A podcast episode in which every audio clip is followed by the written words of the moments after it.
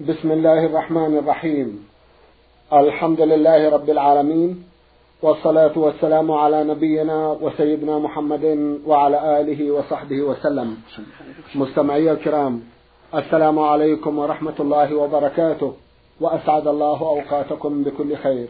هذه حلقة جديدة مع رسائلكم في برنامج نور على الدرب. رسائلكم في هذه الحلقة نعرضها على سماحة الشيخ عبد العزيز ابن عبد الله بن باز. الرئيس العام لإدارات البحوث العلمية والإفتاء والدعوة والإرشاد. مع مطلع هذه الحلقة نرحب بسماحة الشيخ ونشكر له تفضله بإجابة سادة المستمعين. فأهلا وسهلا بالشيخ عبد العزيز. حياكم الله وبارك فيكم. حياكم الله. نعود مع مطلع هذه الحلقة إلى رسالة وصلت إلى البرنامج من الجمهورية اليمنية وباعثتها إحدى الأخوات من هناك تقول المستمعة جيم عين. أختنا عرضنا بعض أسئلتها في حلقة مضت وفي هذه الحلقة بقي لها بعض الأسئلة من بينها سؤال يقول إذا كان في الحلي بعض صور الحيوانات فهل يجوز فهل يجوز لبسه؟ بسم الله الرحمن الرحيم الحمد لله وصلى الله وسلم على رسول الله وعلى آله وأصحابه من اهتدى بهداه أما بعد فلا يجوز للمرأة أن تلبس حليا أو ملابس أخرى فيها صور الحيوانات. لا أسود ولا نمور ولا ذئاب ولا رجال ولا نساء. الواجب أن يزال الرأس. فإذا أزيل الرأس بأي طريقة جاز اللبس. لأن الرسول أمر بإزالة الرأس حتى يكون كهيئة الشجرة فلما رأى سترا عند عائشة فيه صورة هتك وغضب عليه الصلاة والسلام. وقال إن أصحاب هذه الصور يعذبون يوم القيامة ويقال وحي ما خلقتم.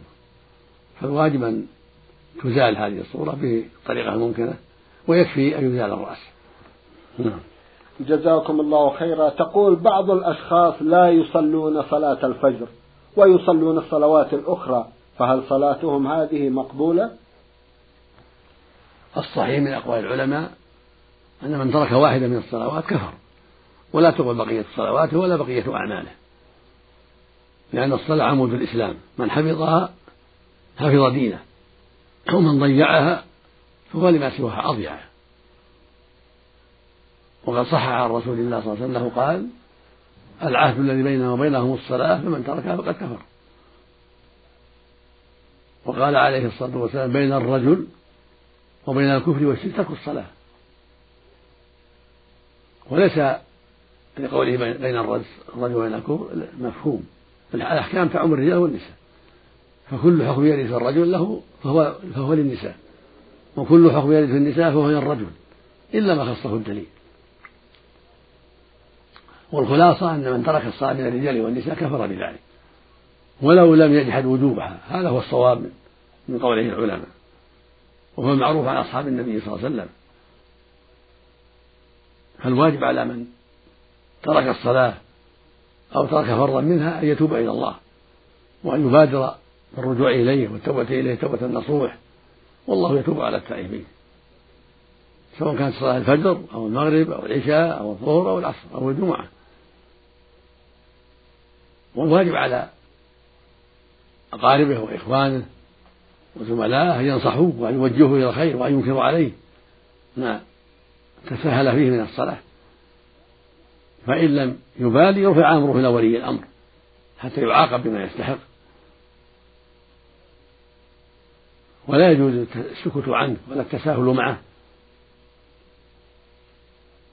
لأن الله يقول جل وعلا والمؤمنون والمؤمنات بعضهم أولياء بعض. يأمرون بالمعروف وينهون عن المنكر. ويقول جل وعلا كنتم خير أمة أخرجت للناس تأمرون بالمعروف وتنهون عن المنكر وتؤمنون بالله. ويقول النبي صلى الله عليه وسلم من رأى منكم منكرا فليغيره بيده. فإن لم يستطع فبلسانه.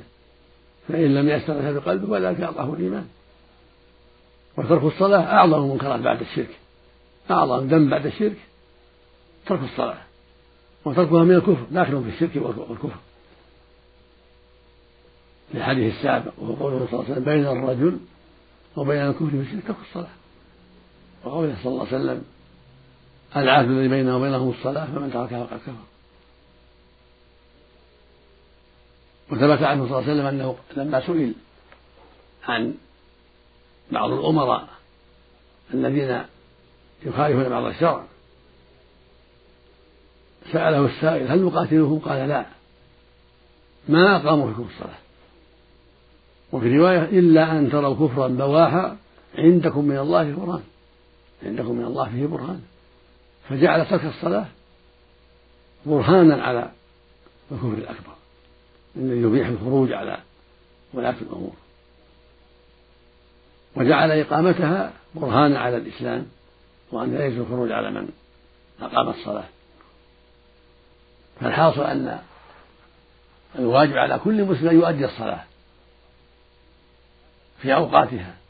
وهكذا المسلمات من النساء. يجب على كل مسلم مسلمة مكلف أن يؤدي الصلاة في أوقاتها. ومن ترك واحدة منها من الصلاة الخمس كفر بذلك. فإن تركها كلها كفر أيضا. من باب أولى نسأل الله السلامة. وقد يفعل بعض الناس منكرا آخر وهو أنه يصلي في رمضان ولا يصلي في غير رمضان. أو يصلي الجمعة ولا يصلي غيرها. وهذا أشد كفرا ممن ضيع صلاة الفجر نسأل الله العافية. فالحاصل أن من ترك الصلاة يوما أو شهرا أو سنة أو في الأسبوع مرة أو في الأسبوع مرتين هو كافر بكل حال. لكن كلما كان الترك أكثر صار الكفر أشد نسأل الله العافية. نعم. جزاكم الله خيرا. تسأل أختنا وتقول إذا كان شخص عنده دية لشخص ما وأعطاه حاجة ثمنها يساوي الدية التي عنده فهل هذا جائز؟ نعم إذا تراضوا على ذلك لا بأس. إذا تراضوا فأخذ عن الدية أرضا أو سيارات أو حبوبا أو غير ذلك لا بأس.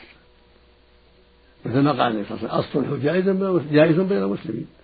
إلا صلحا حرم حلالا أو أحل حراما. نعم. جزاكم الله خيرا. تقول شخص ترك ثلاثة من الأولاد ولد وبنتين وترك الإرث للولد وتوفي هذا الولد وواحدة من البنات. وواحدة ما تزال على قيد الحياة فهل يحق لها أن تطالب ابن أخيها المتوفى؟ نعم هذا جور. جعلوا المال للذكر والأنثيين هذا جور. ولا مانع من مطالبة البنتين لأخيهما بحقهما أو لابنه بعد موته بحقهما. ورأس الميتة والحية تطالب بحقها إلا أن يكون له مسوغ شرعي. يعني يعتقد أنهما كافرتان ليس لهما إرث منه فهذا يرجع إلى المحكمة. تراجع المحكمة في في ذلك. أما إذا كان الولد مسلما والبنتان مسلمتين والميت مسلم فالواجب أن يكون أن تكون التركة بين الجميع بين الذكر والأنثى. والأنثيين للذكر من حظ الأنثيين. تقسم بينهما. للرجل نصفها وللبنتين نصفها الثاني بينهما. فإذا كان في ذلك إشكال ونزاع فهذا يرجع فيه. إلى المحكمة الشرعية نعم. جزاكم الله خيرا. هل الصلاة الوتر هل القراءة فيها جهرية أم سرية؟ جهرية الوتر. إلا إذا صلاها في النهار إذا فاته في الليل نعم. وصلى في النهار بدلا من صلاة الليل يسر. لأن صلاة النهار سرية. إلا إلا صلاة الفجر فإنها جهرية. صلاة الجمعة جهرية. صلاة الكسوف والاستسقاء جهرية. أما صلاة الوتر إذا قضاها فإنه يقضيها غير جهرية كما يصلي صلاة الضحى غير جهرية والرواتب من الظهر غير جهرية سنة قبل العصر غير جهرية لكن لا يصلي وترا إذا فاته وتره من الليل يصلي شفعا. هذا السنة. فإذا كان يصلي خمسا بالليل وفاته بسبب النوم يصلي ستا في النهار ثلاث تسليمات. وإذا كان وتره سبعا صلى أربع تسليمات وهكذا. نعم. جزاكم الله خيرا. والحكم واحد بالنسبة للرجال والنساء. الحكم واحد للرجال والنساء.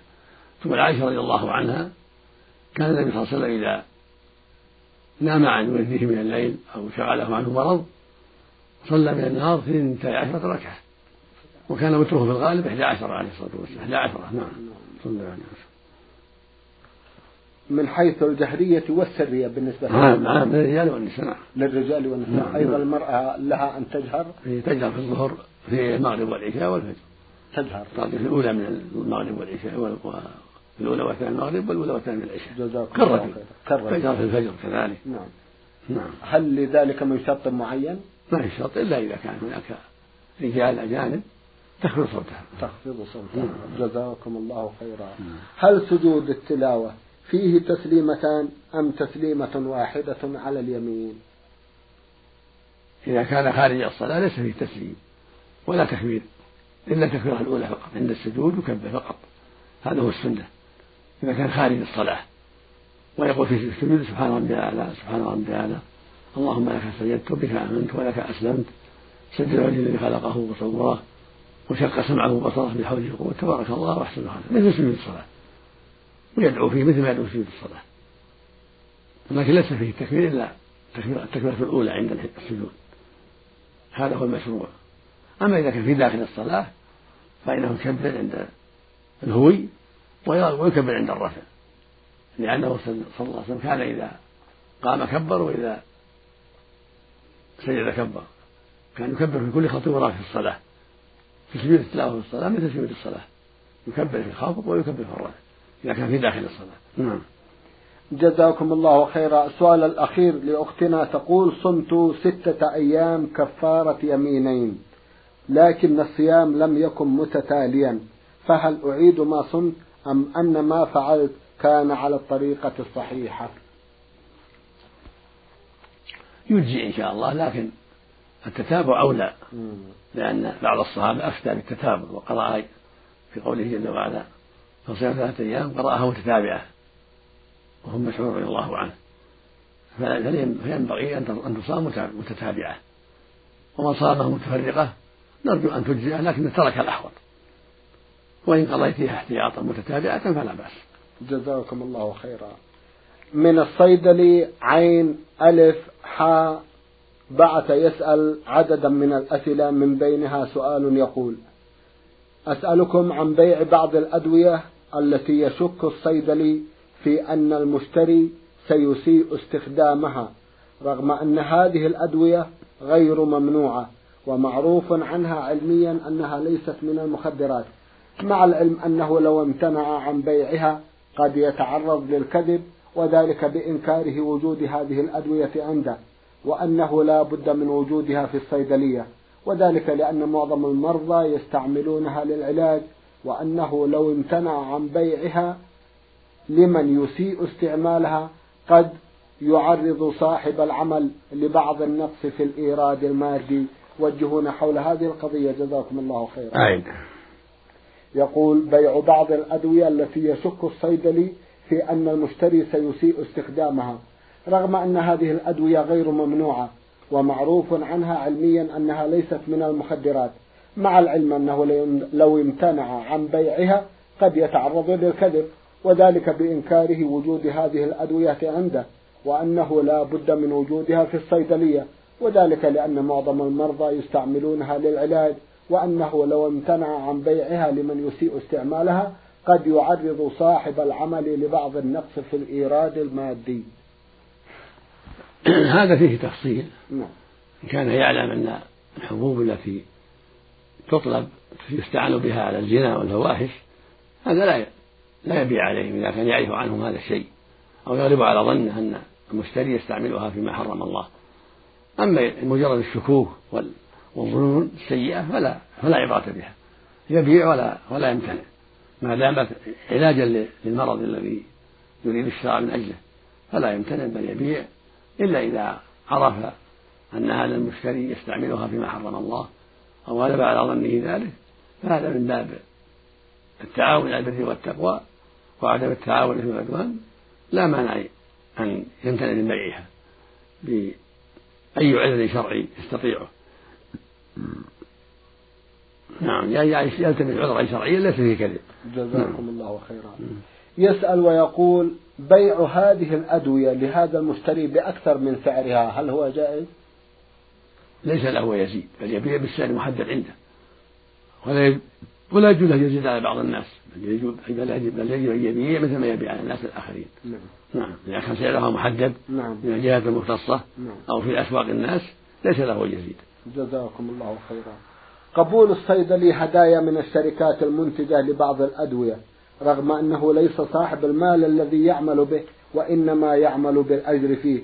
وأن هذه الهدايا لن تؤثر على عملية البيع والشراء لمنتجات هذه الشركات التي قدمت الهدايا في الصيدلية التي يعمل بها هذا الصيدلي.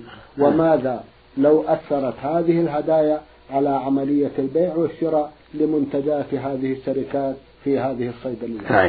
يقول قبول الصيدلي هدايا من الشركات المنتجة لبعض الأدوية رغم أنه ليس صاحب المال الذي يعمل به. وإنما يعمل بالأجر فيه وأن هذه الهدايا لن تؤثر على عملية البيع والشراء لمنتجات هذه الشركات التي قدمت الهدايا في الصيدلية التي يعمل بها هذا الصيدلي. وماذا لو أثرت هذه الهدايا على عملية البيع والشراء لمنتجات هذه الشركات في هذه الصيدلية؟ هذا أيضا بالتفصيل إذا كانت الهدايا تسبب له خيانة في العمل وإيثار هذه الشركة على غيرها فيجتهد في بيع منتجاتها وما يكون لها عنده ويتساهل مع الباقين فليس له ذلك. هو مؤتمن على بيع الجميع الذي عنده. وهو عامل مأمور بأن يبيع ما عنده من هذه الأدوية أو هذه السلع. فإذا كانت الهدية لا تعلق لها بذلك بل أهدوا إليه لأنه قريبهم أو يعينهم على أشياء أو لأنه وكيلهم. وهي لا تؤثر عليه في أعماله. ما نعلم ما يمنعه من قبولها. أما إن كانت تؤثر في العمل وتجعله يميز هذه الشركة يعني يحرص على بيع منتوجها وما توكله عليه ويتساهل في أمر الباقين هذا لا يجوز لأنه في خيانة. جزاكم الله خيرا. بيع العبوة الأكبر من الدواء للمريض رغم وجود العبوة الصغيرة ورغم أن استعمال العبوة الصغيرة قد يكفي ولكن العبوة الكبيرة سعرها أكثر مع العلم أن العبوة الكبيرة لا تضر الم... لا يضر المريض استعمالها وأن الطبيب لم يحدد العبوة المطلوبة. نعم. يقول بيع العبوة الأكبر من الدواء للمريض رغم وجود العبوة الصغيرة ورغم أن استعمال العبوة الصغيرة قد يكفي ولكن العبوة الكبيرة سعرها أكثر مع العلم أن العبوة الكبيرة لا تضر المريض في استعمالها وأن الطبيب لم يحدد العبوة المطلوبة. عليه أن يبين الحقيقة يبين هذا وهذا. ويشرح لصاحب الحاجة هذا ويقول عندي عبوة كبيرة سعرها كذا وعبوة صغيرة سعرها كذا. ويبين فوائد هذه وفوائد هذه. ويتقي الله في ذلك ولا حرج عليه. أما أن يخص الكبيرة هذا يضر الناس. ولكن يبين هذا وهذا لأن بعض الناس دخله ضعيف يحتاج إلى العبوة الصغيرة. نعم. ما دامت تكفي. نعم. فالحاصل أن يبين هذا وهذا ويشرح لصاحب الحاجة هذا وهذا وأن هذا سعره كذا وهذا سعره كذا وهذه فائدته كذا وهذا فائدته كذا ويصدق في ذلك ويتقي الله في ذلك. ثم صاحب الحاجة يشتري ما شاء. جزاكم الله خيرا. يقول إن بعض المشترين لا يساوم في البيع والشراء. فماذا إذا بعنا على أولئك بسعر يختلف عن المساومين؟ الواجب أن يباع بسعر واحد إذا كان هو المعروف ولا يستغل جهل الجاهلين وغفلة الغافلين. أما إذا كان السعر على شيء واحد معروف ولكنه نزل لهذا من أجل محبته له أو صداقته له أو فقره أو ما أشبه أو ما أشبه له والمال ماله. فسامح بعض الناس ولا السعر معروف فالسعر عنده للعموم عشرة ولكن قد يسامح بعض الأصدقاء أو بعض الفقراء فيبيع بتسعة أو بثمانية هذا لا بأس. أما أنه يستغل الجهلة والمغفلين فيبيع ما سعره عشرة باثنى عشر ثلاثة عشر بأكثر لأنهم لا يكاسرون هذا لا يجوز. الواجب أن يبيع عليه بالسعر الذي يبيع على الناس. نعم. جزاكم الله خيرا. أيضا أسأل عن بيع السلعة الأغلى مع أن هناك سلعة أرخص منها تؤدي نفس الغرض. مثل ما تقدم يبين هذا وهذا. يشرح للراغب حال السلعتين وفائدة السلعتين وقيمة السلعتين حتى يكون المشتري على بصيرة. إن شاء أخذ هذا وإن شاء أخذ هذا. نعم. جزاكم الله خيرا. رسالة وصلت إلى البرنامج من أحد الإخوة المستمعين يقول حيدر الزبير حسن عثمان ومقيم في رفحة. يقول اشرحوا لنا هذا الحديث جزاكم الله خيرا.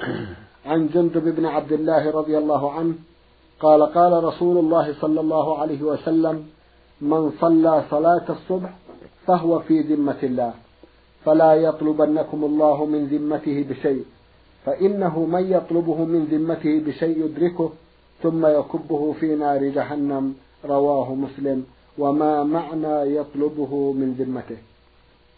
المعنى أن من صلى الفجر فهو في ذمة الله يعني فهو آمن لا يجوز الاعتداء عليه. فمن اعتدى عليه فهو معرض لغضب الله ولدخول النار نسأل الله العافية. ولكن والمقصود من هذا أن صلاة الفجر لها شأن عظيم. فمن حافظ عليها حافظ على ما سواها لأنها أثقل الصلاة على المنافقين مع صلاة العشاء. فالمحافظة عليها والعناية بها دليل على قوة الإيمان. فصاحبها في ذمة الله وفي أمان الله وعهد الله فلا يجوز أحد يتعدى عليه. ومن تعدى عليه فالله جل وعلا سوف يطلبه بها بهذه الذمة التي خانها. ومن طلبه الله أدركه الله وأكبه في النار نسأل الله العافية. والمقصود من هذا التحذير من التعدي على المصلين والتعدي على المؤمنين ولا سيما من حافظ على صلاة الفجر فإنه دليل على قوة إيمانه. وعلى محافظته على بقية الصلوات. فلا يجوز التعدي عليه بأي بأي نوع من العدوان. نسأل الله السلامة. جزاكم الله خيرا. كيف يؤدي المرء زكاة ماله إذا كان راتبه مثلا 700 ريال شهريا؟ إذا كان هذا الراتب يصرف في حاجاته ولا يبقى عنده شيء ما عليه زكاة. نعم. أما إذا كان يحفظه لأنه في بيت ينفق عليه كأبيه أو غيره ويحفظ هذه الرواتب فإنه يزكيها كلما حال الحول. فإذا حال الحول على راتب رمضان زكى في رمضان المقابل. وإذا حال الحول على راتب شوال زكى في شوال. وإذا حال الحول على راتب القعدة زكى في القعدة. وهكذا. كل راتب زكى في الحول الذي يقابل حوله يعني عند تمام السنة. فإن زكى المتأخر مع المتقدم وعجل زكاة المتأخر مع المتقدم كان له فضل في ذلك ولا بأس. مثلا أخرج زكاة شوال مع زكاة رمضان أو أخرج زكاة ذي القعدة وشوال مع زكاة رمضان عجلها هذا طيب ومجزي ولا بأس. نعم. جزاكم الله خيرا. هل يجوز الدعاء بعد كل صلاة مكتوبة؟ وما معنى حديث رسول الله صلى الله عليه وسلم؟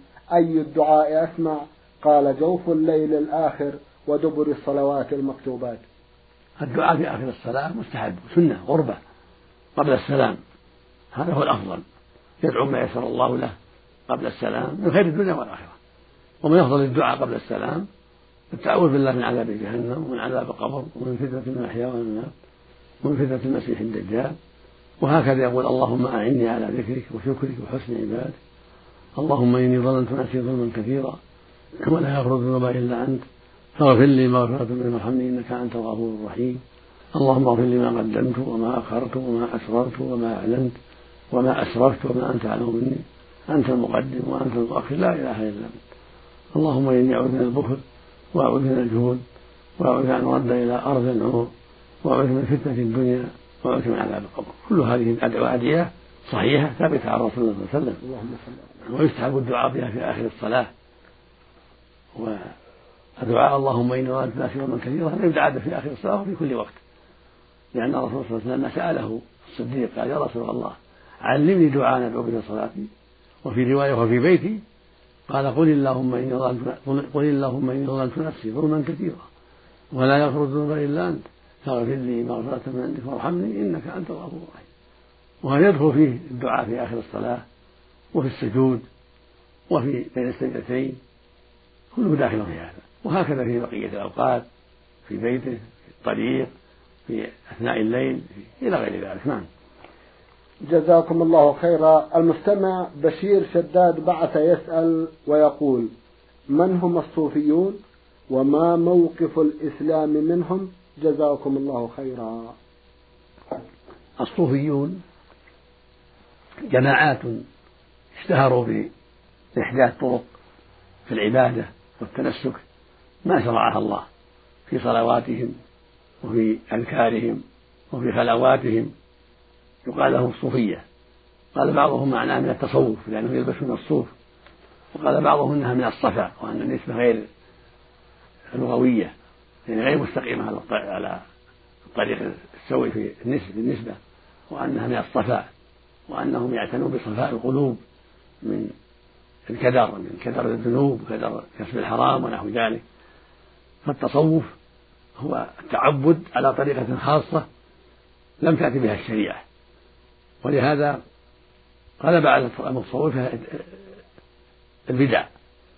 ويسمى الزاهد الذي يحرص على التفرغ والعبادة والزهد في الدنيا وطلبها يسمى أيضا صوفي.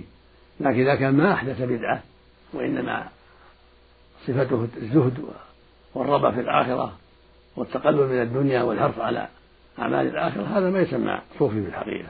يسمى زاهد فإذا كان زهده لا يوقعه فيما حرم الله ولا يزيد في أعماله على ما أوجب الله ولا يبتدع بل يتحرى الشريعة في أعماله وأقواله فهذا مشكور ويثنى عليه كالجنيد بن محمد وأبي سليمان الداراني ومثل الحافي وجماعة اجتهدوا في العبادة. والزهد في الدنيا هؤلاء يثنى عليهم كثير من أجل زهدهم ورغبتهم في الآخرة وعدم ابتداعهم. نعم. جزاكم الله خيرا. سماحة الشيخ في ختام هذا اللقاء أتوجه لكم بالشكر الجزيل بعد شكر الله سبحانه وتعالى على تفضلكم بإجابة سادة المستمعين وآمل أن يتجدد اللقاء وأنتم على خير. نرجو اللهم آمين. مستمعي الكرام كان لقاؤنا في هذه الحلقة مع سماحة الشيخ عبد العزيز ابن عبد الله بن باز الرئيس العام لإدارات البحوث العلمية والإفتاء والدعوة والإرشاد. شكرا لسماحته. وأنتم يا مستمعي الكرام شكرا لحسن متابعتكم. وإلى الملتقى. وسلام الله عليكم ورحمته وبركاته.